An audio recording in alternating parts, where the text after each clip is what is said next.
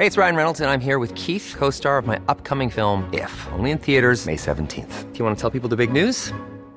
All right, I'll do it. Sign up now and you'll get unlimited for $15 a month in six months of Paramount Plus Essential Plan on us. Mintmobile.com slash switch. Upfront payment of $45 equivalent to $15 per month. Unlimited over 40 gigabytes per month. Face lower speeds. Videos at 480p. Active Mint customers by 531.24 get six months of Paramount Plus Essential Plan. Auto renews after six months. Offer ends May 31st, 2024. Separate Paramount Plus registration required. Terms and conditions apply if rated PG. When you're ready to pop the question, the last thing you want to do is second guess the ring. At Bluenile.com, you can design a one of a kind ring with the ease and convenience of shopping online. Choose your diamond and setting. When you find the one, you'll get it delivered right to your door. Go to Bluenile.com and use promo code LISTEN to get $50 off your purchase of $500 or more. That's code LISTEN at Bluenile.com for $50 off your purchase. Bluenile.com code LISTEN. Du lyssnar på GVS ljudböcker.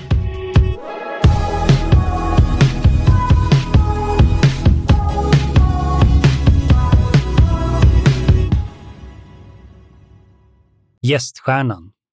En del i Nemesis-serien av Kai Linna. Inläst av mig, Erik Bolin. Kapitel 18 Irokesernas tro skilde sig inte mycket från den övriga kända världens. De var monotoister. En ensam gud, skaparen av världen och alla dess växter och djur, var skaparen av människan själv. Efter sin död hamnade irokesen beroende på sina gärningar i livet, antingen i paradiset eller, för det fanns även en djävul, i helvetet. Men endast de som själva var irokeser fick komma in i paradiset. Inte desto mindre har irokeserna som det enda kända undantaget erbjudit en icke-irokes inte bara tillträde till det irokesiska paradiset, utan dessutom, under stora hedersbetygelser, reserverat denne en hedersplats vars like genom seklen endast förärats ett fåtal irokeser. Irokeserna som av hävd alltid varit allierade med England mot Frankrike och i sin tur deras allierade, ärkefienden huronerna, blev i freden mellan England och det nybildade landet United States of America övergivna av de engelsmän de svurit sin trohet åt. Utlämnade åt allvarliga repressalier från den nybildade statens regering ingrep en man som förde irokesernas talan. Detta magnifika uppvisande av rättvisa och medmänsklig förståelse för irokesernas inställning till trohet och ära renderade USAs första president, George Washington, evig odödlighet i det irokesiska eden.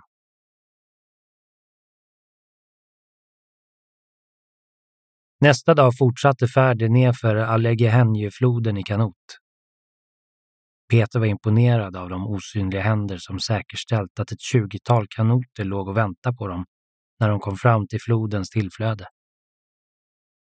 Det visade sig att det var precis det antal kanoter som behövdes för att alla, inklusive Akka som låg inlindad i ett lager av skinnfiltar och som Peter tyckte påminde om en stor cigarr, skulle få plats. Och innan kvällen hade sällskapet avverkat ett gott stycke av den flodtransport som skulle vara avklarad framåt slutet av nästa dag. På kvällen när nattlägret var i ordning gjort och alla fått möjlighet att torka sina kläder och äta ett mål mat skulle Peter i vanlig ordning ta sin plats vid Onondagas eld när han upptäckte att hans svärd var borta. Han var säker på att han hade lämnat det lutande mot ett träd i anslutning till Onondagas läger innan han gick ner till flodstranden för att tvätta av sig. Men nu var det inte där. Till en början var han mer konfunderad än orolig. Det kunde inte bara försvinna så där av sig självt. Han började titta sig om runt i lägret och så fick han syn på det. I händerna på en man. Han visste inte riktigt vem mannen var, men antog att han var en Cayuga eftersom han till utseendet påminde mycket om de Cayugas och Onondagas han hittills träffat. Lättad steg han fram mot mannen och sträckte tacksamt fram armen för att få tillbaka sitt svärd. Men mannen höll undan svärdet så att han inte kom åt det och gav honom istället en kraftig knuff mot bröstkorgen. Vad gör du? Ge mig mitt svärd, protesterar Peter förnärmat. Mitt svärd, svarar mannen och vände sig om för att gå därifrån. Peter högg tag i armen som höll i svärdet och mannen svängde om med en flintkniv i den andra handen. Ingen av dem märkte Eida förrän hans stav kom vinande genom luften och slog kniven ur handen på mannen. Vad pågår här? röt han. Nu syntes för första gången något som påminde om osäkerhet i mannens ansikte. Han har tagit mitt svärd och vägrar ge tillbaka det, förklarade Peter upprört. Eida tittade frågande på mannen. Det är Genara, Veve, genom svärdet. Mitt svärd, sa Degenara veve och böjde sig för att ta upp sin flintkniv. Du ser, sa Peter. Han är en tjuv. Hur säger man tjuv på onondaga? frågade Peter och vände sig mot Deganara Väve som vid det här laget hade fått sällskap av fyra andra män. De var allihop beväpnade med sina stridsklubbor och klädda likadant som honom. Det ordet skulle, om det överhuvudtaget fanns, inte passa in här, sa Ida och ställde sig så att han hamnade mellan Peter och de fem männen. Varför har huronerna Onondagas svärd? Frågan var ställd till den som verkade vara äldst av de fem och denne svarade. Deganara veve” säger att han hittade svärdet. Det är inte Onondagas svärd. Får en man inte behålla för sig själv det som han hittar i skogen? Är inte den som ger allt livs gåvor åt alla människor? Men ni vet ju att det är Hirsta PHKs svärd. Ni har ju sett honom bära runt på det. Kan han inte ställa ifrån sig det när han ska tvätta sig utan att huronerna är framme och nappar åt sig det? De båda männen samtalade med ett förrädiskt lugnt och entonigt röstläge. Men Peter kunde både känna och se på deras kroppsspråk att stämningen höll på att byggas upp. Han var själv på väg att tappa tålamodet, men beredd på att ge Eida ytterligare några sekunder för att tala männen till rätta. Vid det här laget var dispyten uppmärksammad av hela resesällskapet. Och Peter ville inte att någon, allra minst han själv, skulle tro att han inte var man nog att hävda sin rätt när han så fräckt och uppenbart blivit bestulen. Att det var fritt fram för vem som helst att bara köra över honom när det passade. Sen gick allt mycket snabbt. Men de påföljande dagarna skulle Peter komma att för sitt inre likt en filmsnutt spela upp den scen som nu utvecklades framför hans ögon. Möjligen var det han själv som drog igång det hela när han tog ett steg framåt och försökte runda Eidas rygg. Men allt gick så fort att det var omöjligt att säkert veta. I samma sekund som Peter lyfte foten för att ta steget höjde de fem männen från huron sina beväpnade armar. Men innan de nått sin fulla slaghöjd såg Peter i periferin hur ytterligare en man kom farandes emot dem. Med höjd stridsklubba och ett stridstjut föll Kin Kin in över de fem männen och innan Peter hunnit fullborda sitt steg låg Degianara Vävä på marken. Peters förvånade blick for från mannen på marken till Kin Kin till de fyra huronerna, som vid det här laget hade retirerat några steg och nu stirrade på Kin Kin med hatfyllda ögon och tillbaka till mannen på marken vars ansikte nu började få en blekare färg. Deginara Vävä stönade till lite och hans ben ryckte som i spasmer. Sen kom blodet. Mycket blod. När Peter åter såg på mannens ögon insåg han instinktivt att det var ett par döda ögon som stirrade på honom. Utan att släppa de fyra huronerna med ögonen böjde sig Kin-Kin ner och bände loss svärdet ur den döde mannens händer. Onondagas svärd, sa han och räckte över det till Peter. De fyra männen från Huron tycktes resignera inför fullbordat faktum. Utan att visa några ansiktsuttryck som kunde avslöja deras känslor stoppade de undan sina stridsklubbor och tog tag i armarna på de Genara Väväs döda kropp för att släpa ner den till deras kanot.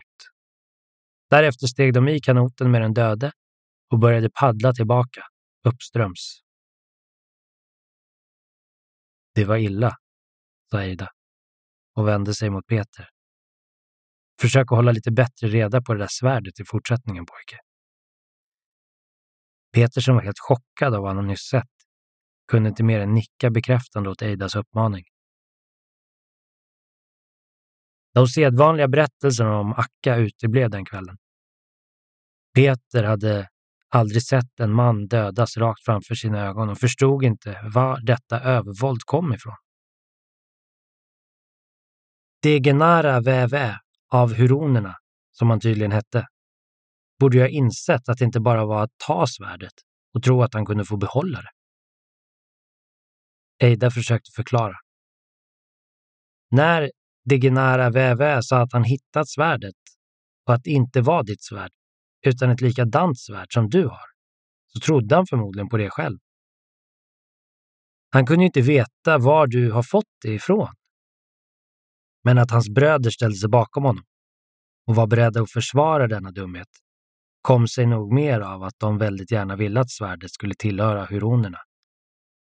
Det var inte den första gången de försökte göra anspråk på det. Kinkins ingripande försvårar det hela och det blir inte lätt för honom att undkomma anklagelser för dråp nu. Det finns många vittnen till vad som hände och de flesta är av den meningen att det är osäkert om Diginara Vävä dog för att han ville behålla det som var ditt svärd. Jag förstår att det låter tokigt i dina öron, men du måste förstå att för dessa människor är det lika självklart som det är för dig. De vet inte var svärd kommer ifrån. Det kan lika gärna förhålla sig så att svärd växer upp på marken och att du inte är den enda som har haft turen att hitta ett. Ser man det på det viset blir ju Kin Kins agerande mycket klandervärt när han slår ihjäl den som hittar ett svärd och tar ifrån honom det. Och du kan vara säker på att det är så det kommer att läggas fram för huronernas hövding. Degenara Väväs far, Daga no Oanda. Han behövde ju inte slå ihjäl honom, invände Peter. Jag tror inte du förstår hur nära det var att det var du som låg där med spräckt skalle. Kin-Kin hade inte så mycket att välja på och knappt med tid att alls fundera, men i slutändan hade han egentligen inget val. Vi är båda bundna till det löfte vi givit åt Akka. Peter funderade på det Eida berättat. Han kunde inte acceptera tanken på att han, genom att bete sig fullt normalt, var ansvarig till det som hade hänt. Men han förstod samtidigt att det inte var hans sak att diktera villkoren för vad som kunde anses vara normalt i denna främmande värld. Vilka är huronerna? frågan.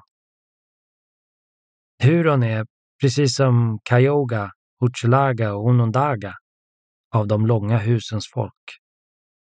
De håller sitt land på andra sidan Ontario. Vi har ofta problem med dem. Så ni är alla irokeser då? Och mohawker? försökte Peter. Sente Tialon, Kin Kin, är av mohawk. Även de är av de långa husens folk. Men vi för inte krig med dem. Eida ignorerade att Peter använde ordet irokes där han hellre använde ordet skräling. Krig. Ja, krig. Efter dagens händelser kommer stridigheter att blossa upp igen. Det har varit lugnt ett tag, men nu måste Onondaga gräva upp sina förfäders ben och samla hela folket. Mycket blod kommer att spillas innan det lugnar ner sig igen. Degenara Vävä var son till en av huronernas mäktigaste hövdingar och han kommer att kräva att Kin Kin dödas för det dråp han utförde idag. Och han kommer att ha rätten på sin sida, tyvärr. Och Senecas, försökte Peter, som hellre ville höra om de irokesstammar han kände till från reservaten runt Rochester, än att tänka på att han hade flyttats i tiden och nu kanske var ansvarig för att ha startat ett krig. Du menar eh, Senecanada? De är inte av de långa husens folk. Men de långa husens folk är av dem, svarade Eida kryptiskt. Peter försökte komma ihåg några fler namn på irokesstammar som han kände till. Och Neida då? Eida flinade till och tittade på Peter som om han just sagt någonting lustigt. Men de har jag aldrig hört talas om pojke. I mörkrets inbrott dagen efter lades Akka till sin sista vila. Hennes kropp placerades i sittande ställning inne i den grotta hon så länge bott i. En eld tändes i grottan och fylldes upp med ved och mat för ett helt år. Därefter täcktes grottöppningen för med stenar och grus. Eida hade placerat sin stav i grottöppningen och när hela öppningen var täckt och endast toppen på staven syntes drog han försiktigt ut staven så att ett litet hål syntes. Han satte sitt öga mot hålet och när han kunde se elden som brann där inne i grottan var han nöjd. Så att Akkas ande kan komma ut, förklarar han för Peter. Därefter ställde sig Ida framför de kringsamlade och bad med ljudlig stämma himlen att ta emot denna människornas syster, moder och dotter, som inte var av folket, men som i alla sina gärningar tjänat den som ger allt liv.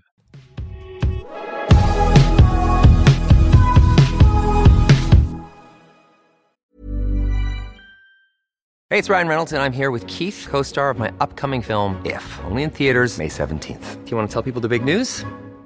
All right, I'll do it. Sign up now and you'll get unlimited for $15 a month in six months of Paramount Plus Essential Plan on us. Mintmobile.com slash switch. Upfront payment of $45 equivalent to $15 per month. Unlimited over 40 gigabytes per month. Face lower speeds. Videos at 480p. Active Mint customers by 531.24 get six months of Paramount Plus Essential Plan. Auto renews after six months. Offer ends May 31st, 2024. Separate Paramount Plus registration required. Terms and conditions apply if rated PG. Burrow's furniture is built for the way you live. From ensuring easy assembly and disassembly to honoring highly requested new colors for their award-winning seating, they always have their customers in mind. Their modular seating is made out of durable materials to last and grow with you. And with Burrow, you always get fast, free shipping. Get up to 60% off during Burrow's Memorial Day sale at burrow.com slash ACAST. That's burrow.com slash ACAST. burrow.com slash ACAST.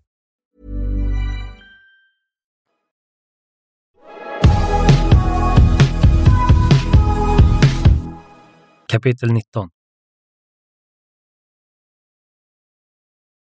Mycket av det som är känt av det irokesiska folkets historia har bevarats åt eftervärlden tack vare Louis H. Morgan 1818 till 1881.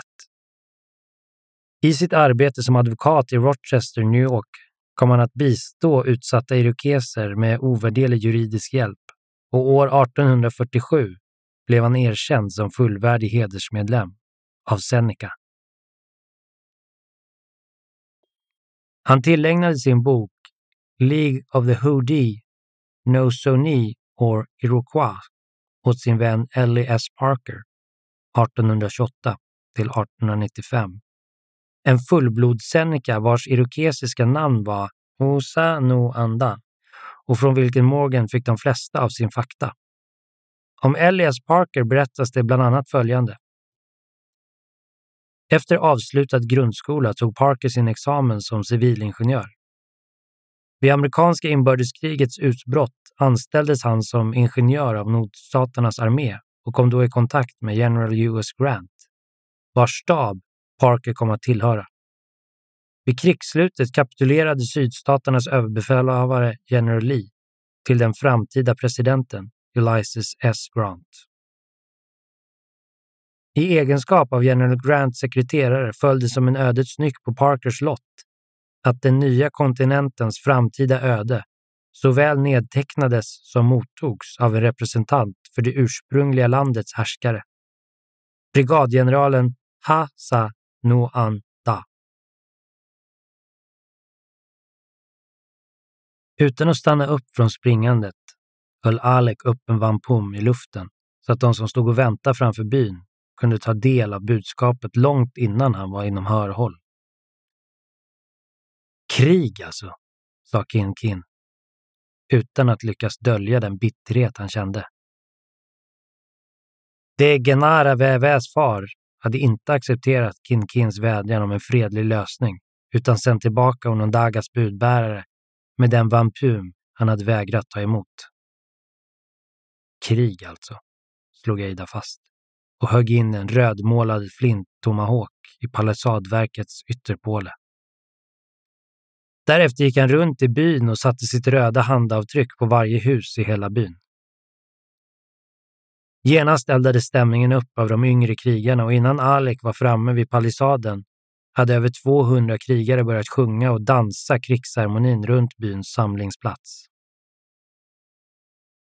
Efter att Eida nu bekräftat att Onondaga låg i krig med huronerna var det fritt fram för den som ville visa sin tapperhet att uppbåda en styrka och ge sig in i huronernas land för att ta fångar och döda så många som möjligt. Kin Kin själv fick inte gå ut i krig. I sin ungdom hade han blivit tillfångatagen av huronerna på slagfältet, men tack vare sitt uppvisade mod frisläppts mot villkor att för all framtid vara bandlyst från att strida på huronernas mark. Däremot fick han delta i och leda de försvarsförberedelser som behövdes för att bemöta de huroner som i denna stund var på väg mot dem. Den som skulle leda Onondagas krigståg var Tayande Hari, hövdingen från en av de andra Onondaga-byar, vilka hörsammat krigshotet och nu samlats med Kinkins folk. Hälften av den styrka Tayenda Hari hade till sitt förfogande avdelades för att så snabbt som möjligt ta sig över sjön och rensa upp på den norra stranden så att inga överraskningar fanns att vänta från det hållet. Att huronerna hade större och bättre kanoter gjorde det absolut nödvändigt att förlägga stridigheterna på andra sidan sjön. Men det gällde att handla snabbt. Även om huronernas närmaste by, som låg alldeles vid strandkanten på andra sidan, Ontario, vid det här laget hunnit överges, skulle det finnas gott om huroner kvar i området. Den andra hälften av Tayenda Haris krigare for iväg mot Ontarios nordöstra strand för att företa ett svep över Hushilagas övre flöde och samtidigt passa på att försäkra sig om att de moahoker som fanns där höll sig neutrala. Om moahokerna drogs in i kriget skulle det naturligtvis vara på Kinkins och Onondagas sida, men det skulle även innebära att huronerna i sin tur skulle söka bundsförvanter hos Ojibwas och Ottawas eller kanske till och med hos Adirondacks och den upptrappningen av kriget fick, som Eida sa, absolut inte ske. De som skulle över Huchelaga hade längre färdväg, men kunde räkna med mindre motstånd. Så vid nästa fullmåne skulle de båda banden förenas på den stora ö som ligger där Ontario rinner ut i Huchelaga. Ingen tid ödslades på mer än de nödvändigaste förberedelserna. Den enda färdkost som behövdes var de energirika kakor av honung, majsmjöl och nötter som i god tid förberetts av kvinnorna. Så innan Alek hunnit torka av sig svetten var byn redan tömd på de ivrigaste krigarna. Peter gick fram till Eida och Kinkin som stod och såg efter de sista krigarna, som på ett långt led försvann ner mot kanoterna. Han kände sig tagen av den uppståndelse som nyss rått i byn och undrade för sig själv hur det kunde komma till detta. Han hade dragit igång ett helt krig utan att han själv kunnat påverka någon del av händelserna, mer än att helt tanklöst ställa ifrån sig ett svärd. Ett krig är ingen liten sak.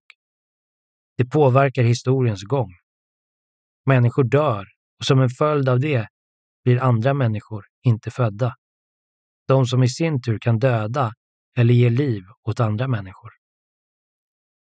Han försökte erinra sig namnet på någon viktig historisk irokes. Någon som tack vare honom kanske aldrig skulle bli född nu. Så kom han på ett namn. Hiawatha. Han hade hört det flera gånger men aldrig satt sig in i vilken betydelse denne irokes haft. Kommer kriget hit nu? frågade Eida. Förmodligen. Men du kan inte bli kvar här i väntan på det. Du och jag ska söka oss till Henotas hus, där vi får invänta bud om att stridsyxan är nedtagen från Polen och återlagd i jord. Nästa dag gav sig Peter och Eida av. Tillsammans med Storkekko tog de den östliga vägen mot Hochelaga, där de inte räknade med att stöta på några fientligheter. Dessa marker hölls inte av huronerna. För det mesta gick färden på vatten över stora sjöar och nerför forsande älvar. Men mellan dessa vattenvägar var de tvungna att gå längre sträckor på land då Storkekko bar den lätta kanoten över huvudet. En kväll när de redan färdats i flera dagar och precis korsat en stor sjö, som Peter gissade skulle kunna vara Lake Champlain, berättar Ada för Peter om sin levnadshistoria och om sitt folk som fortfarande bodde på en stor ö vid det salta vattnet. Atlanten menar du, sa Peter och började berätta för Eida om hur världen såg ut på 1900-talet.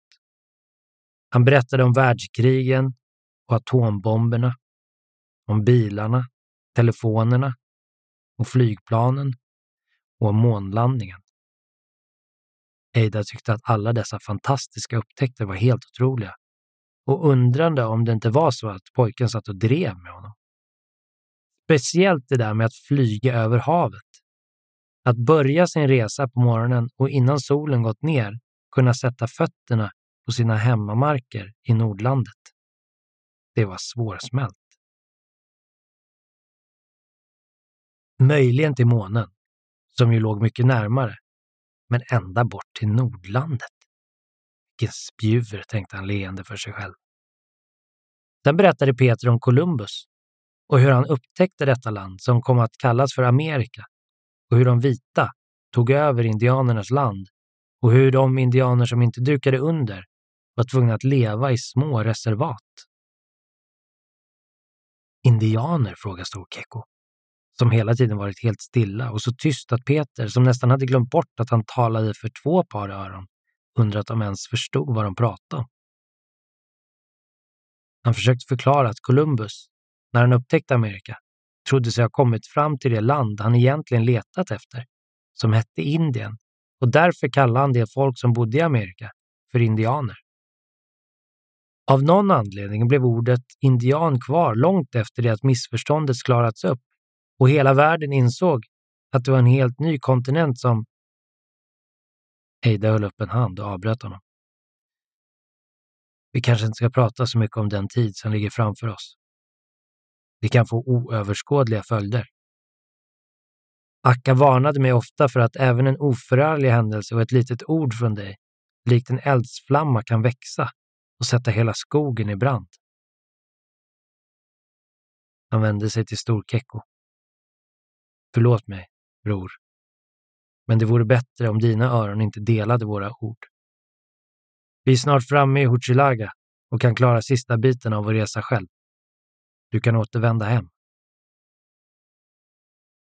Utan att yttra ett ord eller visa vad han tyckte om vad Eida sagt ställde sig Storkekko upp och försvann ljudlöst in i den mörka skogen. Jag borde ha tänkt på det tidigare, sa Eida. Men det gäller inte bara Storkekko. Även mina öron bör hållas borta från dina kunskaper om framtiden. Vad ska vi prata om då? undrar Peter. Det vi borde hålla oss till är din återfärd. Tänk om jag inte kan komma tillbaka då? Vem vet, sa Ida fortsatte. Jag har funderat över det som hände i Kanada. Har du glömt? Du svimmade där på trappan. Och sen när du kom till sans igen så sa du att du hade hört oss prata inglis. English, rättade Peter. Ja, men det är ditt språk, eller hur? Det heter så. English. Du sa att du hörde någon prata ditt språk. Det är det jag menar. Det var inte jag eller Akka, så vem kan ha gjort det då? Pialo? Nej. I Kanada finns det mycket magi, ska du veta. Om svaret finns någonstans så är det i Kanada, tror jag. Den som kan ditt språk bättre än jag borde även kunna hjälpa dig bättre än jag. Men nu kom Akkas död och det här kriget. Mycket olägligt. När kommer krig lägligt? insköt Peter retoriskt och petade skuldmedvetet i elden med en pinne. De krigar väl även i ditt 1900-tal? undrar Ida. Peter anade kritiken i Eidas torra konstaterande. Jo, men det är inte samma sak. Det är skillnad på krig och krig. Det är det förvisso. Krigen hemma i Nordlandet handlar mest om vilken kung som ska ha makten, att styra, lagstifta och ta ut skatt. Men folket här krigar för att visa sitt mod så att fienden vet att vi kan hålla vårt land och våra kvinnor och barn. Ingen kung kan uppbåda en armé hos Onondaga och ingen av Onondagas män går ut i krig mot sin vilja. Du märkte säkert att de som gav sig iväg över sjön mot Huron var angelägna och uppspelta över att få gå ut i krig. Det är förståeligt. De vill naturligtvis ta chansen, nu när de kan visa hur tappra de är. Äran är det enda som betyder någonting i kriget. Är det inte likadant på 1900-talet? Eller egentligen inte. Han funderar en stund innan han fortsätter. På 1900-talet får man sin ära och berömmelse på ett annat sorts slagfält. I rinken och planen, sa han kryptiskt. Eida tittade frågande på honom. Motståndarna möts i två lag och spelar fotboll, basket eller en hockeymatch. De som gör flest mål vinner, försökte Peter förtydliga. Mål? frågade Ida. Peter tog upp en pinne och började dra streck i sanden. Långt in på natten förklarade han i timmar och med en inlevelse han inte känt på länge vad det innebar att spela en match mellan två lag. Gäststjärnan av Kaj Linna kan du lyssna på i sin helhet utan reklam på Storytel. Planning for your next trip? Elevate your travel style with Quince. Quince has all the jet setting essentials you'll want for your next getaway, like European linen, premium luggage options, buttery soft Italian leather bags, and so much more. And is all priced at 50 to 80% less than similar brands. Plus, Quince only works with factories that use safe and ethical manufacturing practices. Pack your bags with high-quality essentials you'll be wearing for vacations to come with Quince. Go to quince.com/pack for free shipping and 365-day returns.